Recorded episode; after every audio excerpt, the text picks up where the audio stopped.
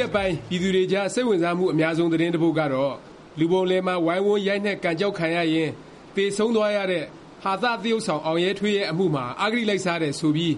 ရန်ကုန်တိုင်း ဥပဒေချုပ် အပါအဝင် ဥပဒေအရာရှိတွေ၊တရားသူကြီးနဲ့ ရဲစခန်းမှူးတွေကို ဖမ်းဆီး အရေးယူလိုက်တဲ့ သတင်းပါ။ဦးအောင်ကြည် ဦးဆောင်တဲ့ အဂတိလိုက်စားမှု တိုက်ဖျက်ရေး ကော်မရှင် ဖွဲ့စည်းအပြီး အဂတိလိုက်စားမှု တိုက်ဖျက်ရေး ဥပဒေကို ပြင်ဆင်အပြီး အခု ဖမ်းဆီး အရေးယူမှုဟာ တာဝန်ထမ်းဆောင်နေဆဲ အဆင့်မြင့် ပုဂ္ဂိုလ်တွေကို ဖမ်းဆီး အရေးယူနိုင်ခဲ့တဲ့ အရေးကြီး ဖြစ်စဉ် တစ်ခုလည်း ဖြစ်ပါတယ်။ဒီ ဖမ်းဆီး အရေးယူမှုကို ကြည့်လိုက်ရင်ပဲ တရားစီရင်ရေး စနစ် ပျက်စီးမှုမှာ ဘယ်သူတွေ တာဝန်ရှိတယ်၊အဂတိလိုက်စားမှု ဥပဒေ ပြင်ဆင်ခြင်း ဘယ်လောက် အရေးပါတယ် ဆိုတာ မြင်ရမှာ ဖြစ်ပါတယ်။မြန်မာနိုင်ငံမှာ အဂတိလိုက်စားမှု လျော့ကျသွားဖို့ အလားအလာ ရှိသလား ဆိုတာ ခုတစ်ပတ် ဆွေးနွေး တင်ပြသွားပါ့မယ်။ အရင်တုန်းကတော့ အဂတိလိုက်စားမှုလို့ဆိုလိုက်ရင် အစိုးရတာဝန်ရှိသူတွေနဲ့ တရားသူကြီးတွေက အဓိက ကျူးလွန်တာလို့ ပြည်သူအများ မှတ်ယူထားကြပါတယ်။တရားစီရင်ရေး အပိုင်းကို ကြည့်လိုက်ရင်လည်း အဂတိလိုက်စားမှု များပြားလွန်းတာ ဘယ်သူမှ မငြင်းကြပါဘူး။ဒါပေမယ့် ပြည်သူအများစုကြီးဟာ တရားသူကြီးတွေကိုပဲ မျက်စေ့ထဲ ပြေးမြင်လေ့ရှိပါတယ်။တကယ့်တကယ်တော့ တရားစီရင်ရေး စနစ်ထဲ အဂတိလိုက်စားရာမှာ တရားသူကြီးတွေတင်မက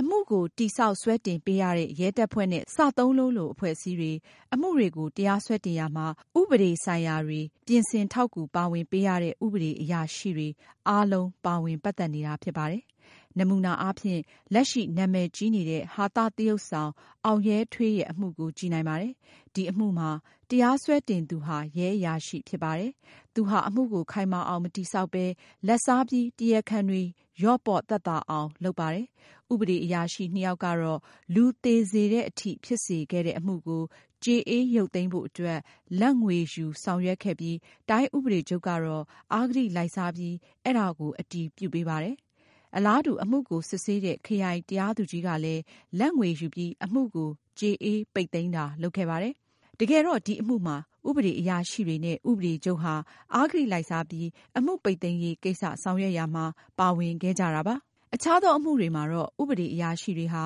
အခြားသောနည်းနာတွေနဲ့ အဂတိလိုက်စားကြပါတယ်။ဥပမာအားဖြင့် အမှုတစ်ခုကို တရားရုံးကို ဘယ်လို ပုဒ်မနဲ့ တင်မယ် ဆိုတာမျိုး ဥပဒေအရာရှိတွေက အဓိကအားဖြင့် ဆုံးဖြတ်ပေးလေ့ရှိပါတယ်။တစ်ချို့အမှုတွေမှာဆိုရင်တော့ တရားရုံး စွဲတင်သင့်မသင့် မှတ်ချက်ပေးတာမျိုးလည်း လုပ်ကြပါတယ်။ပြောရရင် တရားရုံးတစ်ရုံးမှာ တရားသူကြီးက တရားစီရင်တယ်ဆိုတာဟာ အမှုကို စွဲတင်တဲ့ ရဲတပ်ဖွဲ့နဲ့ အမှုကို ဘယ်ပုဒ်မတွေနဲ့ ဘယ်လို စွဲဆိုသလဲ ဆိုတဲ့ ဥပဒေအရာရှိတွေရဲ့ လုပ်ရပ်တွေအပေါ်ကမှ တရားစီရင်ရတာမျိုးပါ။ရဲတပ်ဖွဲ့နဲ့ ဥပဒေအရာရှိတွေ တရားမျှမျှတတ မှန်မှန်ကန်ကန် လုပ်မထားရင် တရားသူကြီးဟာ ကောင်းကောင်း တရားမစီရင်နိုင်ပါဘူး။တကယ်လို့များ တရားသူကြီး ကိုယ်တိုင်ကပါ ဘက်လိုက်ပြီ ဆိုရင်တော့ တရားစီရင်ရေး တစ်ခုလုံး အမှောင်ဖုံး၊အမှားက အမှန် ဖြစ်သွားဖို့ များပါတယ်။အဲဒီလို ဖြစ်ပျက်ခဲ့ဖူးလို့လည်း တရားစီရင်ရေး စနစ် ပြိုလဲပျက်စီးခဲ့ပြီလို့တောင် တင်စားပြောခဲ့ကြတဲ့ အခြေအနေ ဆိုက်ရောက်လာတာ ဖြစ်ပါတယ်။ဘယ်လိုပဲဖြစ်ဖြစ် အခု သရုပ်ဆောင် အောင်ရဲထွေး အမှုကြောင့် တရားစီရင်ရေး စနစ် ပျက်စီးမှုမှာ ရဲတပ်ဖွဲ့နဲ့ တရားသူကြီးတွေချည်းပဲ တာဝန်ရှိတာ မဟုတ်ပဲ နောက်ကွယ်က ဥပဒေအရာရှိတွေ၊ဥပဒေချုပ်တွေလည်း တာဝန်ရှိတယ် ဆိုတာ အများပြည်သူကို သိမြင်စေခဲ့ပါတယ်။တကယ်လို့များ အရင် အဂတိလိုက်စားမှု တိုက်ဖျက်ရေး ဥပဒေကို ပြင်ဆင်မထားဘူး ဆိုရင် အခုအမှုက အဂတိလိုက်စားမှုကို ဖော်ထုတ်ဖို့ ဖြစ်ကိုမဖြစ်နိုင်သလောက်ပါပဲ။အကြောင်းကတော့တိုင်ကြားသူရှိမှာမဟုတ်လို့ပါ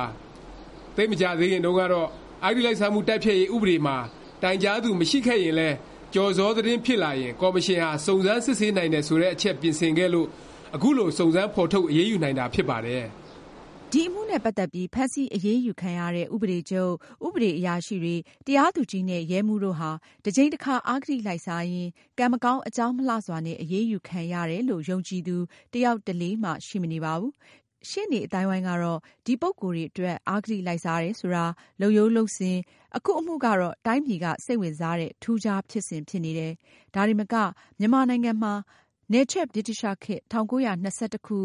တရားရုံးချုပ် စတင်ခဲ့တဲ့ နှစ်ပေါင်းတစ်ရာနီးပါးအတွင်းခုလို လာဘ်ယူပြီး အမှုကို ရဲရဲတင်းတင်း ပိတ်လိုက်တဲ့ အမှုမျိုး မရှိခဲ့ဖူးတာ၊အရင်က ရှေ့နေလုပ်ခဲ့ပြီး အခု လက်ရှိ သမ္မတ ဖြစ်နေသူ ကိုယ်တိုင်က သူ့တစ်သက်တစ်ခါမှ မတွေ့ဘူးတဲ့ ဆုံးဖြတ်ချက် ဆိုပြီး မှတ်ချက်ပေးတာ၊ဒါတင်မက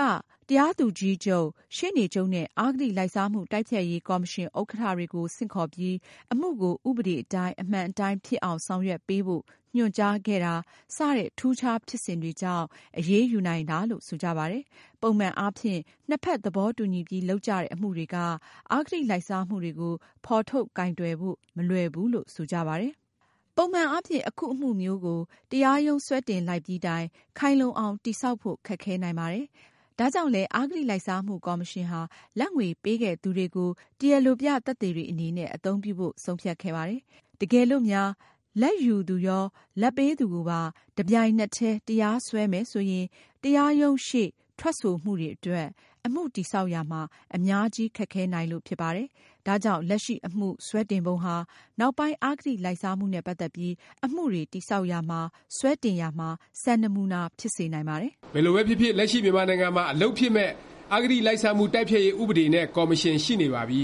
။အဂတိလိုက်စားမှုကို စနစ်တကျနဲ့ အစွမ်းကုန် လုပ်မယ်၊နိုင်ငံတကာ အလယ်မှာ ဂုဏ်သိက္ခာ ကျဆင်းနေတာကို အဖတ်ဆယ်နိုင်အောင် လုပ်မယ်လို့ ကတိပေးထားတဲ့ ကော်မရှင် ဥက္ကဌလည်း ရှိနေပါပြီ။ ဒါပေမယ့် အဂတိလိုက်စားမှု လျော့နည်းဖို့အတွက် ဆိုတာကတော့ ဥပဒေ တစ်ခု၊ကော်မရှင် တစ်ခု၊ဥက္ကဌ တစ်ယောက်တည်းနဲ့ လုပ်လို့ရတာမျိုးတော့ မဟုတ်ပါဘူး။အစိုးရဌာနဆိုင်ရာ ဝန်ထမ်းတွေ အဂတိလိုက်စားမှု မရှိပဲ အလုပ်လုပ်နိုင်မယ့် အခြေအနေမျိုး ဖန်တီးပေးတာ၊ဝန်ထမ်း၊ရဲတပ်ဖွဲ့၊တရားသူကြီး၊ဥပဒေအရာရှိ စတဲ့ နယ်ပယ် အသီးသီးက ပုဂ္ဂိုလ်တွေကို အဂတိလိုက်စားမှု မလုပ်နိုင်အောင် အဆင့်ဆင့် ကြီးကြပ် တာဝန်ခံစေတဲ့ စနစ် ကျင့်သုံးတာ၊ကိုယ်လိုရာ ရဖို့အတွက် လာဘ်ပေးတာကို ပုံမှန် အလုပ်လို သဘောထားတဲ့ ပြည်တွင်း ပြည်ပ လုပ်ငန်းရှင်တွေကို အရေးယူပြတာ၊ ပညာပေးတာ စတာတွေ ကျယ်ကျယ်ပြန့်ပြန့် လုပ်နိုင်ပါမှ အောင်မြင်နိုင်မယ် ဖြစ်ပါကြောင်း တင်ပြလိုက်ရပါတယ်